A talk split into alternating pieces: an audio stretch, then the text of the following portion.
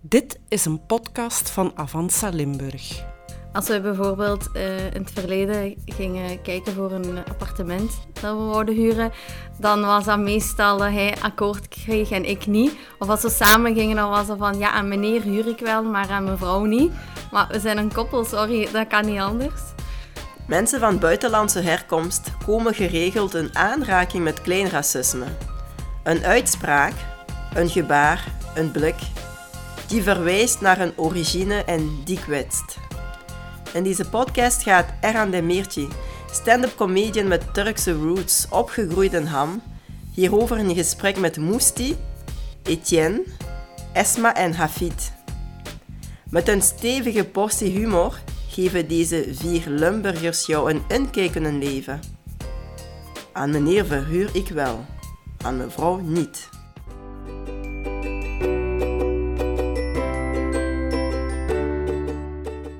Moestie. Hoe is het met u?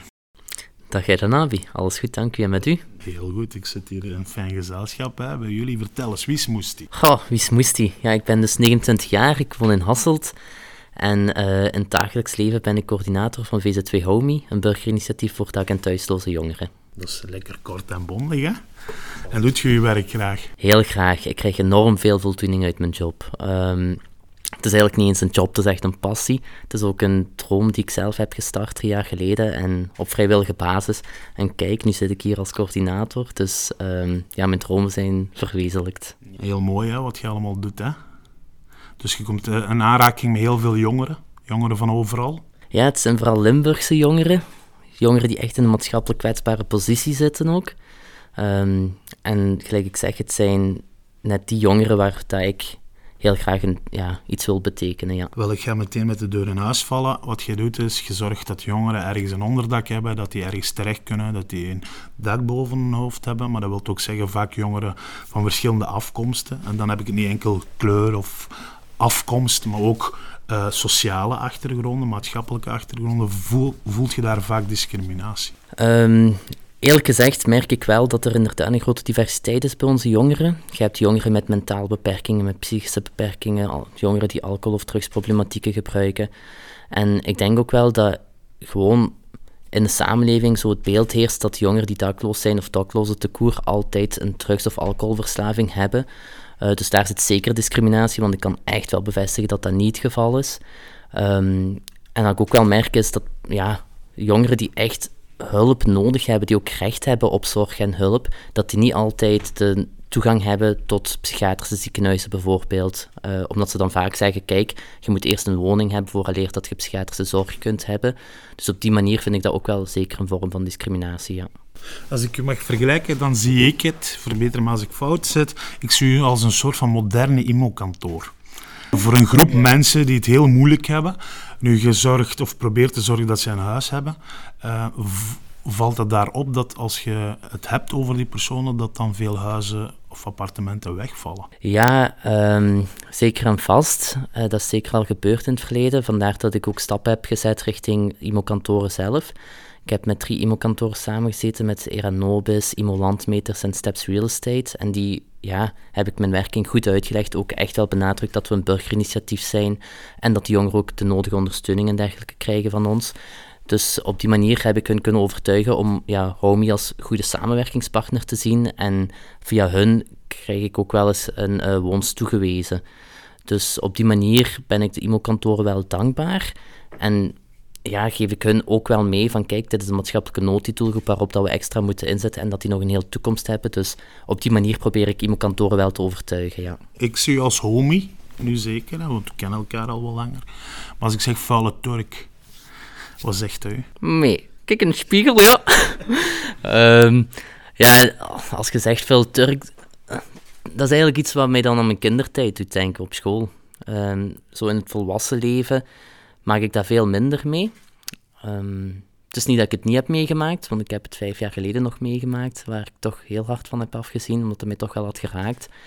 Um, maar als ik dat hoor, ja, dan, dan denk ik van, zijn, zijn we daar nu nog steeds over bezig? Allee, ik ben Belg op de eerste plaats, zo profileer ik mezelf ook. Allee, ik ben hier geboren en getogen en ik heb die biculturaliteit, maar ja, ik ben zeker geen veel Turk, want ik zou ook veel Belg dan kunnen zeggen tegen mij. Hè. Raakt hij u nog steeds? Ja, zeker raakt me dat. Omdat ik gewoon zoiets heb van, wat gaat je mij beoordelen op basis van mijn identiteit, op basis van mijn achtergrond, mijn huidskleur? Dan, dan denk ik van, wie zit jij om zo te oordelen over mij? Je zit niet meer of minder dan mij. Maar je zegt dat raakt mij. Waarom raakt u dat? Wat zit daarachter, achter die twee woorden? Ja, wat erachter zit is gewoon, ik vind dat onrechtvaardig, onrespectvol. Ik kan heel moeilijk tegen onrechtvaardigheid. Ik, ik heb dan zoiets van, jij oordeelt over mij. Terwijl dat aan niemand is om te oordelen over mij, alleen aan Allah. En voor de rest, bol af zou ik zeggen.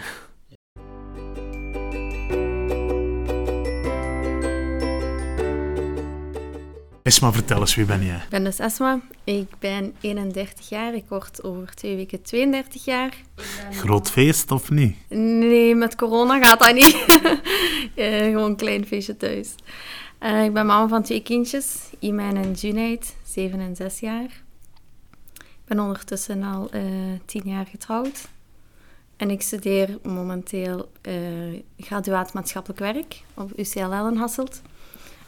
En ik ben uh, van opleiding uh, kinderverzorgster.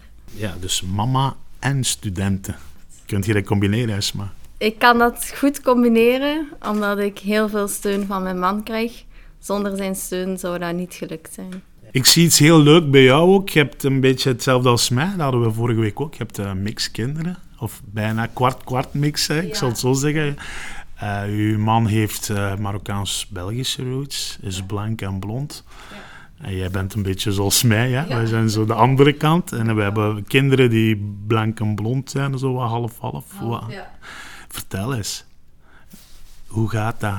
Wat zijn de reacties van mensen daarop? Uh, ja, van mijn familie sowieso positieve reacties, maar van de buitenwereld is dat zo wat gemixte reacties dat we krijgen. Als we bijvoorbeeld uh, in het verleden gingen kijken voor een appartement dat we wouden huren, dan was dat meestal dat hij akkoord kreeg en ik niet. Of als we samen gingen, dan was het van, ja, aan meneer huur ik wel, maar aan mevrouw niet. Maar we zijn een koppel, sorry, dat kan niet anders. Dus ja, we krijgen wel vreemde reacties. Of ik heb wel eens meegemaakt dat mijn man een heel goed gesprek had. Ik, ik stuur hem dan alleen van, gaat jij maar alleen had hij een heel goed gesprek met iemand gehad. En op plaats zei die meneer van... Ja, want uh, ik zou echt niet willen huren aan die Marokkanen. Hè, want ik ben blij dat jij hier bent gekomen. En dan vroeg hij van... Uh, mag ik je identiteitskaart? Hè? Dan kan ik je gegevens opschrijven. En dan was de trek van... Oei, si Mohammed. Oh, je bent toch geen Marokkaan, hè? Dit is en grappig en pijnlijk tegelijk, toch? Ja, we hebben erover gelachen. Maar achteraf zeiden we van... Oké, dat is wel eigenlijk een ernstig probleem. Ja, ik doe hetzelfde, Esma. Als, uh, ik, mijn vrouw is Belgisch, dus ik pak die mee. Die noemt Johanna en dan laat ik die alles doen. Ja. En als dan bijna getekend wordt, dan kom ik binnen. Tada! ja, klopt. Ja. Zo gaat dat en dan rij je rechtstreeks naar het ziekenhuis voor de hartaanval van die persoon. Hè? Goed, maar uw kinderen, de situatie op school, vertel daar eens over. Ja, um, dat is niet zo heel gemakkelijk altijd. In de zin van, je probeert toch je best te doen. En we hebben al eens bijvoorbeeld meegemaakt dat wij kindjes hadden uitgenodigd voor een verjaardagfeestje. En dat mijn kindjes mochten vrijuit kiezen wie dat zij wouden. En dan, ik had al, al wel door op de uh, naam, van de namenlijst van oké, okay, dat zijn tien gewoon autochtone kindjes en twee allochtone kindjes. Ik dacht, er gaat niet veel volk op afkomen, maar ik, ja, ik had dat niet meegedeeld met hun. En dan uh, achteraf bleek dat alleen die allochtone kindjes aanwezig waren. Dat, raakt wel. Dan denk je van, oké, is het nog steeds zo? Ik heb dat al vroeger meegemaakt en we zijn al zoveel jaar verder. Dat had ik niet verwacht, dat we daar nog steeds mee bezig zijn. Ook merk ik soms aan... Um, ja, aan scholen dat als je daar staat en je weet wat je rechten zijn en je bent mondig, dat je snel wordt weggeduwd van oké, oei, die kent haar rechten wel, we gaan haar het zwijgen opleggen, daar willen we geen gesprek mee uh, voeren. Gedaan met praten, gedaan met luisteren, we willen het niet. Uh, dat vind ik wel erg. Esma, ik zie na, tegenover mij een jonge dame vol energie. Maar ik ga het even omschrijven, ook voor onze luisteraars. Dat moet ik dan doen, dat is mijn taak. Ik zie iemand uh, die volledig gesluierd is. Voor veel mensen tegenwoordig is dat normaal, maar het blijft voor veel mensen nog steeds niet normaal. Hoe moeilijk is dat om vandaag in Vlaanderen een hoofddoek te dragen? Uh, het is moeilijk. Het, bepaalt soms uh, uw leven. De hoofddoek dragen op zich, dat gaat nog. Uh, dat zien mensen wat vaker. Dat gaat als je westers gekleed bent, dan is dat oké. Maar als je dan ook nog eens islamitisch gekleed naar buiten gaat, dan maakt het voor de mensen precies een, uh, ja, een gevaar in hun ogen. En dan krijg ik wel heel vaak opmerkingen of uh, mensen die mij bewust met mijn kindjes willen omverrijden. Heb ik ook al vaak meegemaakt terwijl ik naar school toe stap met de kindjes. Uh, dat is drie keer gebeurd op, uh, van september tot december. Dat mensen u willen omverrijden waarvan dat je denkt dat moet zijn om de kledij die ik draag. Ja, omdat ik dat ervoor niet meemaakte. Ik was toen uh, veranderd van kledingstijl. Ik wou mij islamitischer gaan aankleden. Ik, ik, voelde mij daar veel prettiger bij. Ik dacht, ik doe dat gewoon. Waarom zou ik dat niet doen? Ik wil daarmee experimenteren. Ik wil dat gewoon doen. En ehm, ik merkte onmiddellijk verschil buiten. Ik dacht, nee, ik ga er niet op letten. Ga gewoon naar school. Uh, doe alsof je die blikken niet ziet. Vertrek gewoon en dat komt wel goed. En dan heb ik dan drie keer meegemaakt dat camionchauffeurs uh, naar mij tuten, tekens naar mij doen met de handen en echt omver willen rijden. En ik dacht van, oei, wat gebeurt er hier? De eerste keer dacht ik niet aan racisme of zo. Ik dacht gewoon, dat is een zot. De tweede keer dacht ik van, oh, dat is wel vreemd. De derde keer dacht ik van nee, dit is wel uh, gemunt op mij, op mijn uiterlijk dan. Dan heb ik besloten om met de auto altijd naar school te gaan. Nu, ik, ik, wat ik vaak denk is, we, wonen in België en ik denk dat 90% van de mensen in dit land vrij open-minded zijn, ondanks alles, ondanks onze verschillen, toch ergens willen openstaan voor elkaar, hoe moeilijk dat ook vaak is. Hè? Ook iemand die moslim is tegenover iemand die niet gelooft, bijvoorbeeld. Voor, voor, voor hen kan dat ook heel zwaar zijn. Maar wie zijn die 10% dan? Wie wil in godsnaam een moeder met twee kinderen omverrijden? Mensen die, denk ik, heel gefrustreerd zijn met hun eigen... Mensen die problemen met zichzelf hebben, eerder dan met de persoon die tegenover hen staat.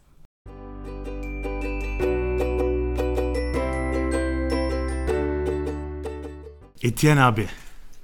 Wij hebben, wij hebben een speciale band, zo'n beetje. Hè? Want we zijn zo in dezelfde, aan dezelfde kanten opgegroeid. Hè? Vertel eens. Ja, inderdaad. Mijn naam is Etienne Kitenge.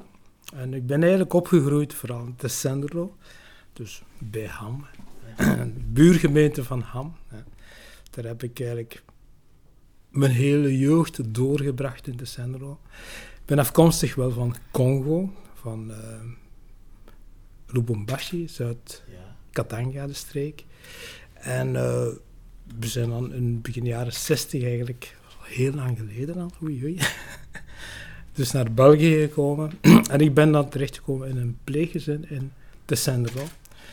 En daar ben ik dan ook gebleven. Een echte loeienaar, maar Congolese roots, als ik dat mag zeggen, zwart in een heel blanke gemeenschap, vooral in die tijd.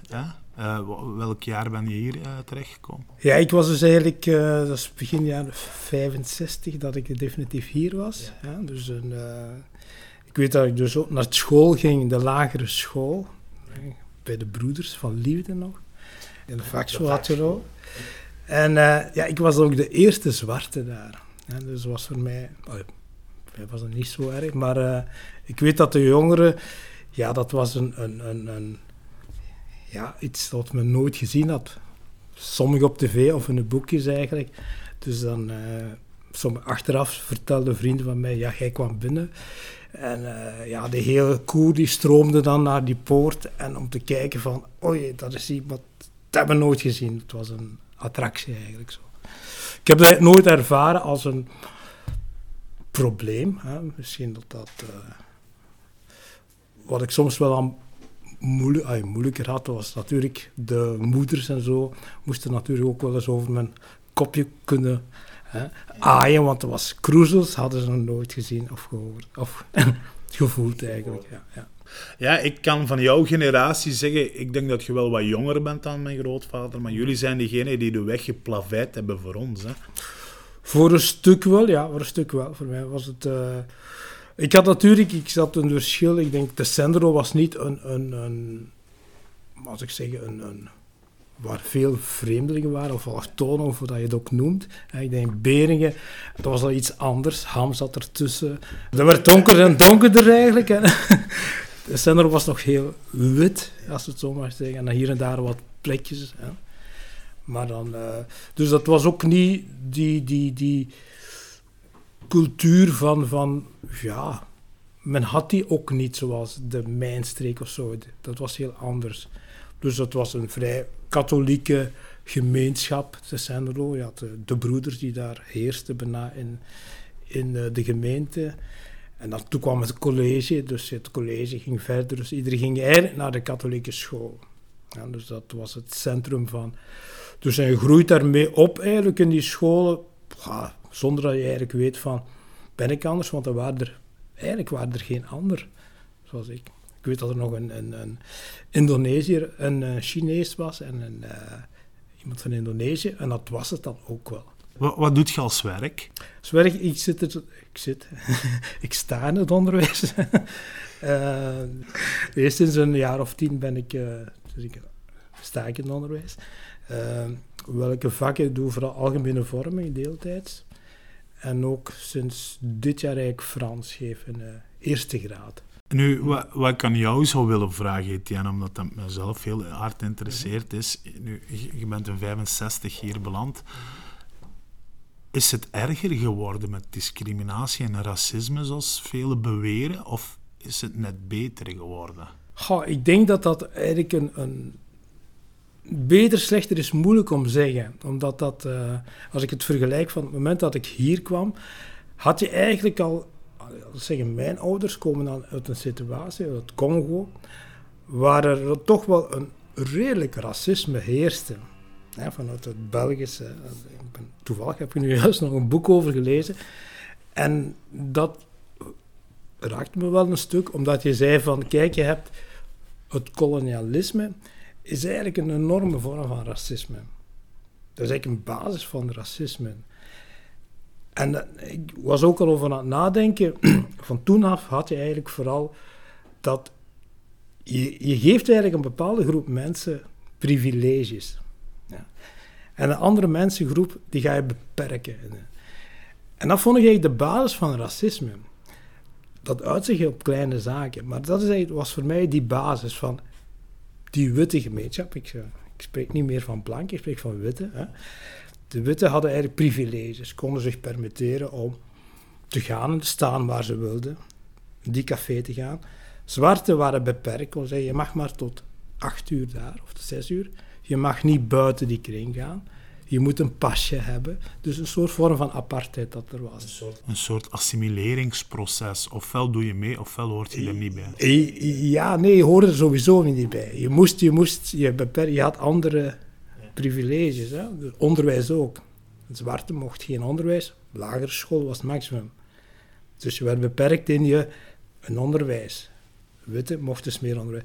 En als ik dat dan bekijk, eigenlijk vanuit die periode dat ik kom, had je ook, ja, ik kwam dus hier, ik kon dus wel eigenlijk naar onderwijs gaan. Het was allemaal, het liep allemaal door.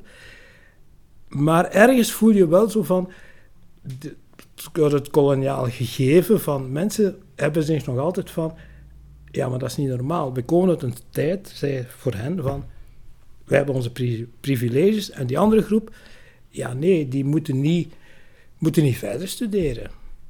Die moeten niet dit gaan doen, die moeten, niet, die moeten zich beperken in handenarbeid ten hoogste, klerk worden ten hoogste maar zeker geen hogeschool- of universitaire studies. Ja, heel actueel, Etienne. Ik ga het ook aan jou vragen. Black Lives Matter. Hè? Heel actueel bij de jongeren vandaag de dag. Je ziet ook dat het niet meer enkel een zwart probleem is. Gelukkig zijn er heel veel, ik zal witte zeggen, bruine jongeren, gele jongeren groene jongeren, whatever. Iedereen doet er aan mee. Iedereen heeft zoiets van, oké, het is tijd dat het in onze generatie gaat veranderen. Wat vind je daarvan? Dat, dat jongeren vandaag toch dat terug in handen nemen. Ja, ik vind dat heel goed, omdat je eigenlijk ook de dingen aankaart, eigenlijk, de, de mistoestanden. En dat komt een beetje door eigenlijk, omdat sommige mensen zeggen van, ik mag toch iets meer dan dat. Ik, mag, ik heb het recht om u eigenlijk, als ik het bruut mag zeggen, in elkaar te slagen. Hm? Ik word er toch niet voor gestraft, ik heb dat recht. En dat is eigenlijk wat je zegt van hè, Black Lives, uh, andere lives matter. Dus elk leven is belangrijk. Als je zegt van iedereen heeft recht om privileges te hebben. En niet van jij bent zo, dus ik heb het recht om u in elkaar te slagen. En ik word er toch niet voor gestraft. Mag ik jou dan al eh, vragen? Ik heb ook heel veel Belgische vrienden, noem het blanke vrienden, witte vrienden, whatever. Belgische vrienden die zeggen, ja, maar Eramp, ik heb het ook even van gehad, want ik ben niet zo, mijn familie is niet zo, en 90% van onze Belgische vrienden zijn niet zo, en toch worden wij ook met de vinger gewezen over iets dat gebeurd is in het verleden. Dat moet ook stoppen, want dan voel ik me ook in een hoekje geduwd. Wat vind je daarvan? Ik begrijp dat wel. Ik begrijp dat wel. Mensen die, die dat wel moeilijk binnen te krijgen, het wordt altijd alsof het... Uh, en ik vind ook wel dat je dat dan moet durven doortrekken. In die zin dat je niet alleen moet zeggen, kijk, het is uh, zwart of die zijn de groep, die. Maar kijk dan verder, wie zijn eigenlijk de, de groepen die niet mee kunnen of niet kunnen profiteren van het gegeven? Als je daarnaar kijkt, dan vind je toch wel veel groepen die niet mee kunnen. Ik hoorde straks het, verhaal van of, uh, jongeren die op straat terechtkomen, die worden gedumpt. En daar sluiten de mensen dan ook wel een stuk de ogen voor. Terwijl ze misschien wel zeggen, ik kom op voor die groep, maar voor die groep, dat is niet aan mij besteed. Ja. En Ik, ik heb dan graag eigenlijk van, als je opkomt, probeer dan eigenlijk voor iedereen die niet mee kan in de maatschappij op te komen.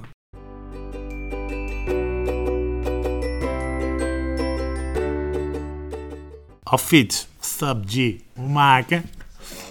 Hey, goed, ja. Vertel eens, wie is Hafid? Uh, ik ben Hafid, ik ben 19 jaar. Ik ben opgegroeid in Genk, termijn om precies te zijn. Uh, ik maak al één jaar, om precies te zijn, muziek. Een beetje hip-hop, rap-achtig. Zingen doe ik ook wel eens. Je doet hip-hop? Dat zijn teksten, dat komt hè, van, van, van Amerika, van mijn jeugd ook. Hè. We hebben daar straks over gebabbeld. Teksten maken over dingen die verkeerd lopen in de maatschappij. Helpt u dat? Waarover gaan uw teksten? Wat vertelt over Hafid? Van alles eigenlijk. Een beetje zo wat ik zelf heb meegemaakt. En uh, ook wat ik rondom mij zie. Uh, wat de wereld mij vertelt, neem ik gewoon mee in mijn, in mijn muziek. Dus uh, ik heb ook of ja, toevallig kan ik dat niet, niet noemen, maar ik heb uh, een track en die heet hetzelfde. En uh, die heb ik gereleased een maand na die Black Lives Matter gedoe. Maar dat, dat liedje had ik al een drie, vier maanden of zo op voorhand gemaakt. En toen opeens brak dat zo door en dat liedje past gewoon perfect. Die tekst en zo, dat, dat gaat gewoon om, om respect voor iedereen te hebben. Dat we allemaal gelijk zijn. Dat maakt niet uit wat of hoe. Daar gaat dat liedje eigenlijk over.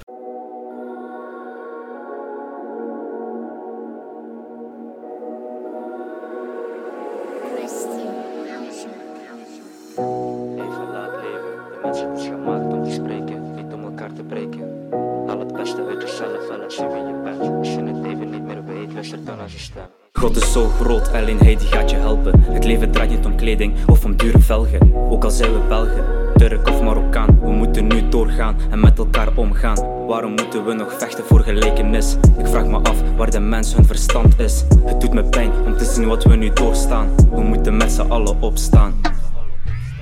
Op een dag is het te laat. Op een dag dan gaan we allemaal. We zijn allemaal hetzelfde. Zwart, wit, rijk of arm. Zwart, wit, rijk of arm. Zet die haat nu eens aan de kant. Geef elkaar nu gewoon een hand. Mm. Hetzelfde. Van ongeacht welke afkomst, welke sociale klasse, welke streek, maakt niet uit. Vertel eens, hoe schrijf je dan zo'n tekst? Van waar komt dat? Welk buikgevoel? Oh, zoals ik zei, ik heb die tekst al daarvoor, voor die Black Lives Matter geschreven. Dus dat was gewoon ook het dagelijkse leven. Wat ik gewoon, allez, ik zag dat om me heen. Dat uh, niet iedereen altijd met respect wordt behandeld. Want iets, allee, respect is iets wat voor mij echt heel belangrijk is, snap je? Als je respect voor mij hebt, dan heb ik het ook terug voor u. En uh, ja, zoals ik zeg, gewoon wat ik meemaak, wat, wat er, wat er uh, afspeelt in het leven. Ja. Hafid, je zit naast Etienne. Twee verschillende generaties, twee verschillende afkomsten naast elkaar, maar wel twee Belgen die hier bij mij zitten. Hè. Ieder een uniek verhaal, een apart verhaal. Wat ik zo leuk vind is, hè, ik zei daar juist, de generatie van Etienne, onze grootvaders, hè, die hebben de weg geplaveid voor ons. Als je dat hoort van Etienne, ziet je een groot verschil met u nu? Met jouw generatie? Uh, ja, als ik zo rondom me kijk, zo, mijn vrienden en zo, dan, dan ja, we behandelen elkaar gewoon met respect. Dat is gewoon zo, snap je? Maakt niet uit of je nu Belg bent, of Marokkaan, Turk, maakt niet uit. En ik kom ook van Genk. En in Genk is dat gewoon, dat is gewoon normaal daar. Je, kunt, je kunt geen racisme meer in een hoekje plaatsen. Dat, dat gaat gewoon niet. En als het toch gebeurt, dan kun je er altijd over praten met iedereen. Iedereen is er heel open over. Dat, gaat, dat kun, kun je altijd uitpraten. Kunt je nu met je Belgische vrienden, Marokkaanse, Turkse, Congolese vrienden, whatever, ja, kunt je nu met je vrienden daarover praten? Over discriminatie, over... Ja, ja ik, heb, ik heb heel verschillende vrienden. Ik heb, ik heb vrienden die zich bezighouden met school. Ene die, die werkt, een heeft kinderen, ene heeft... Op je ene is dag en nacht buiten. Snap je wat ik bedoel? En als ik er zo op terugkijk, dan heb je heel veel verschillende meningen over racisme. Ik heb, ik heb ook vrienden, ja, ik kan geen namen zeggen of zo, maar ik heb ook vrienden die zeggen van die zeggen van, hey, weet je wat er is gebeurd? Ik ben, ik ben daar in de winkel geweest en die vrouw zit tegen mij, wil een Marokkaan mee, ik heb die, ik heb die uitgekakt en ik had ruzie gemaakt met die, snap je? En dan denk ik, allee, ik, ik ben heel veel, ik heb, ben opgegroeid in een uh, katholieke school. En ik was daar de enige, de enige Marokkaan in de klas. En uh, ik heb altijd gewoon leren omgaan met die dingen, snap je? Altijd, vroeger was altijd als je meeging met hun, dan was het, dan was het oké. Maar als je dan iets verkeerd deed, bijvoorbeeld gaat ruzie met iemand, dan was het veel Marokkaan, of veel dit, veel dat. Heb ik wel mee. Allee. Maar ik, als, ik, als ik dat hoor, hè, waarom zou iemand in godsnaam uit het niet zeggen, hey, vuile Marokkaan? Dat kan toch niet? Er moet toch iets zeggen? Waarom roept een, iemand zoiets? Dat moet toch uitgelokt zijn? Mm Ik denk dat er een discussie moet komen of, of een conflict, alleen echt erge conflict dat er uh, moet afspelen tussen elkaar. Bijvoorbeeld, je zit in de winkel en uh, ik kruip bijvoorbeeld dus, ik kruip voor zonder dat ik dat door heb. En, uh, en dat is een blanke mevrouw achter mij en die zegt van, hey, wat was dat nu? En snap je, je hebt het zelf niet door en je komt in die situatie en, en dat lokt zo uit dat ze dan ineens zo, zoiets roept. Maar stel dat zouden twee blanke personen zijn geweest en ik zeg maar iets, die kruipt voor en dan is zo, oh ja, dat is niet erg, ja, doe maar. 2020 halverwege, what the fuck is dit? Ik wil erover praten omdat het me hoog zit. De jeugd is naar de vaantjes, heb je geen respect. We praten met een maar, het heeft geen effect, nee. Maar aan één kant kunnen ze er niks aan doen. Als je ziet wat de media nu met hen doet. Ik wil het uit in de muziek, het kan niet anders man. Wat vind je ervan, dat mensen worden uitgemoord? Kunnen we niet omgaan met elkaar zoals het hoort? Of vind je het leuk als je iemand de grond in boort? De wereld is een plek voor iedereen om te leven en als Amerika ontwaakt, dan gaat de wereld beven. Laat jullie niet gek maken door de media. Het is allemaal een mindgame. Wees goed voor andere mensen. Laat racisme uit de wereld verdwijnen. Het leven is te kort voor negativiteit. Wat ik, ja, wat ik nog wil zeggen is, uh, ik, had een, uh, ik ben heel lang trainer geweest van uh, kleine kindertjes die net, begonnen met, die net beginnen met voetballen. Die zijn rond de 5, 6 jaar. En toen ik daar begon, ik, heb daar, ik heb dat vier jaar gedaan. Toen ik daar begon, was het altijd zo, de eerste training kwamen die ouders dan zo aan met die kinderen en die kijken dan van wie is de trainer en dan sta ik daar op veld. En dan is dat zo van, ah, hij de trainer? En dan, dan geven die die kinderen zo aan mij mee en dan is dat zo van, is dat, niet echt de trainer? Dan gaat dat zo de hele tijd zo rond zo, en zo langs de zijlijn zie je zo iedereen kijken zo. En dan zie je dat die kinderen mij graag hebben, omdat jij zit de trainer, jij zit een voorbeeld. En dan, zien, dan, dan opeens krijg je van die reacties na de training van hey, amai, je doet dat echt goed. Maar in eerste instantie denk je die van, ah, is dat de trainer, zo, die Marokkaan? Ja, en dan, ja, dan zit je opeens een goede Marokkaan, snap je? En dat, dat, dat, dat raakt me wel. Dat je altijd zo die, die vooroordelen hebt.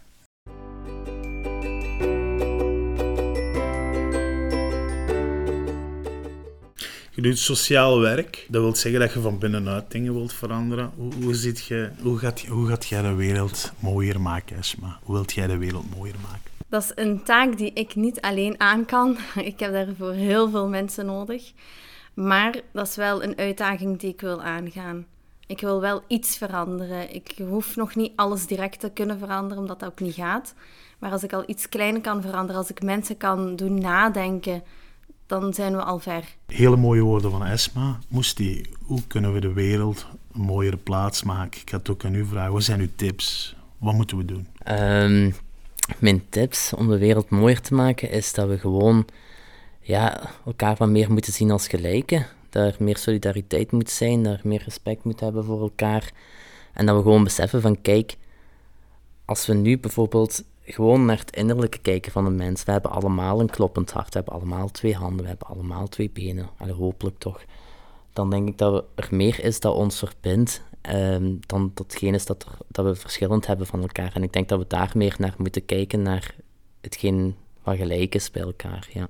Mag ik dat samenvatten wat je nu zegt, Moesti?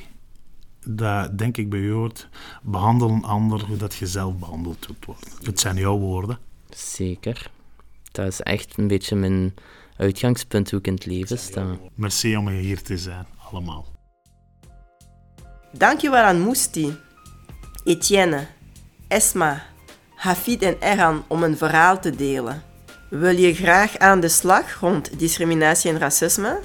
Neem dan zeker een kijkje op onze website. Nieuwsgierig naar meer? Beluister dan ook onze andere maatschappelijk relevante podcasts via avansalimburg.be of jouw favoriete podcastkanaal.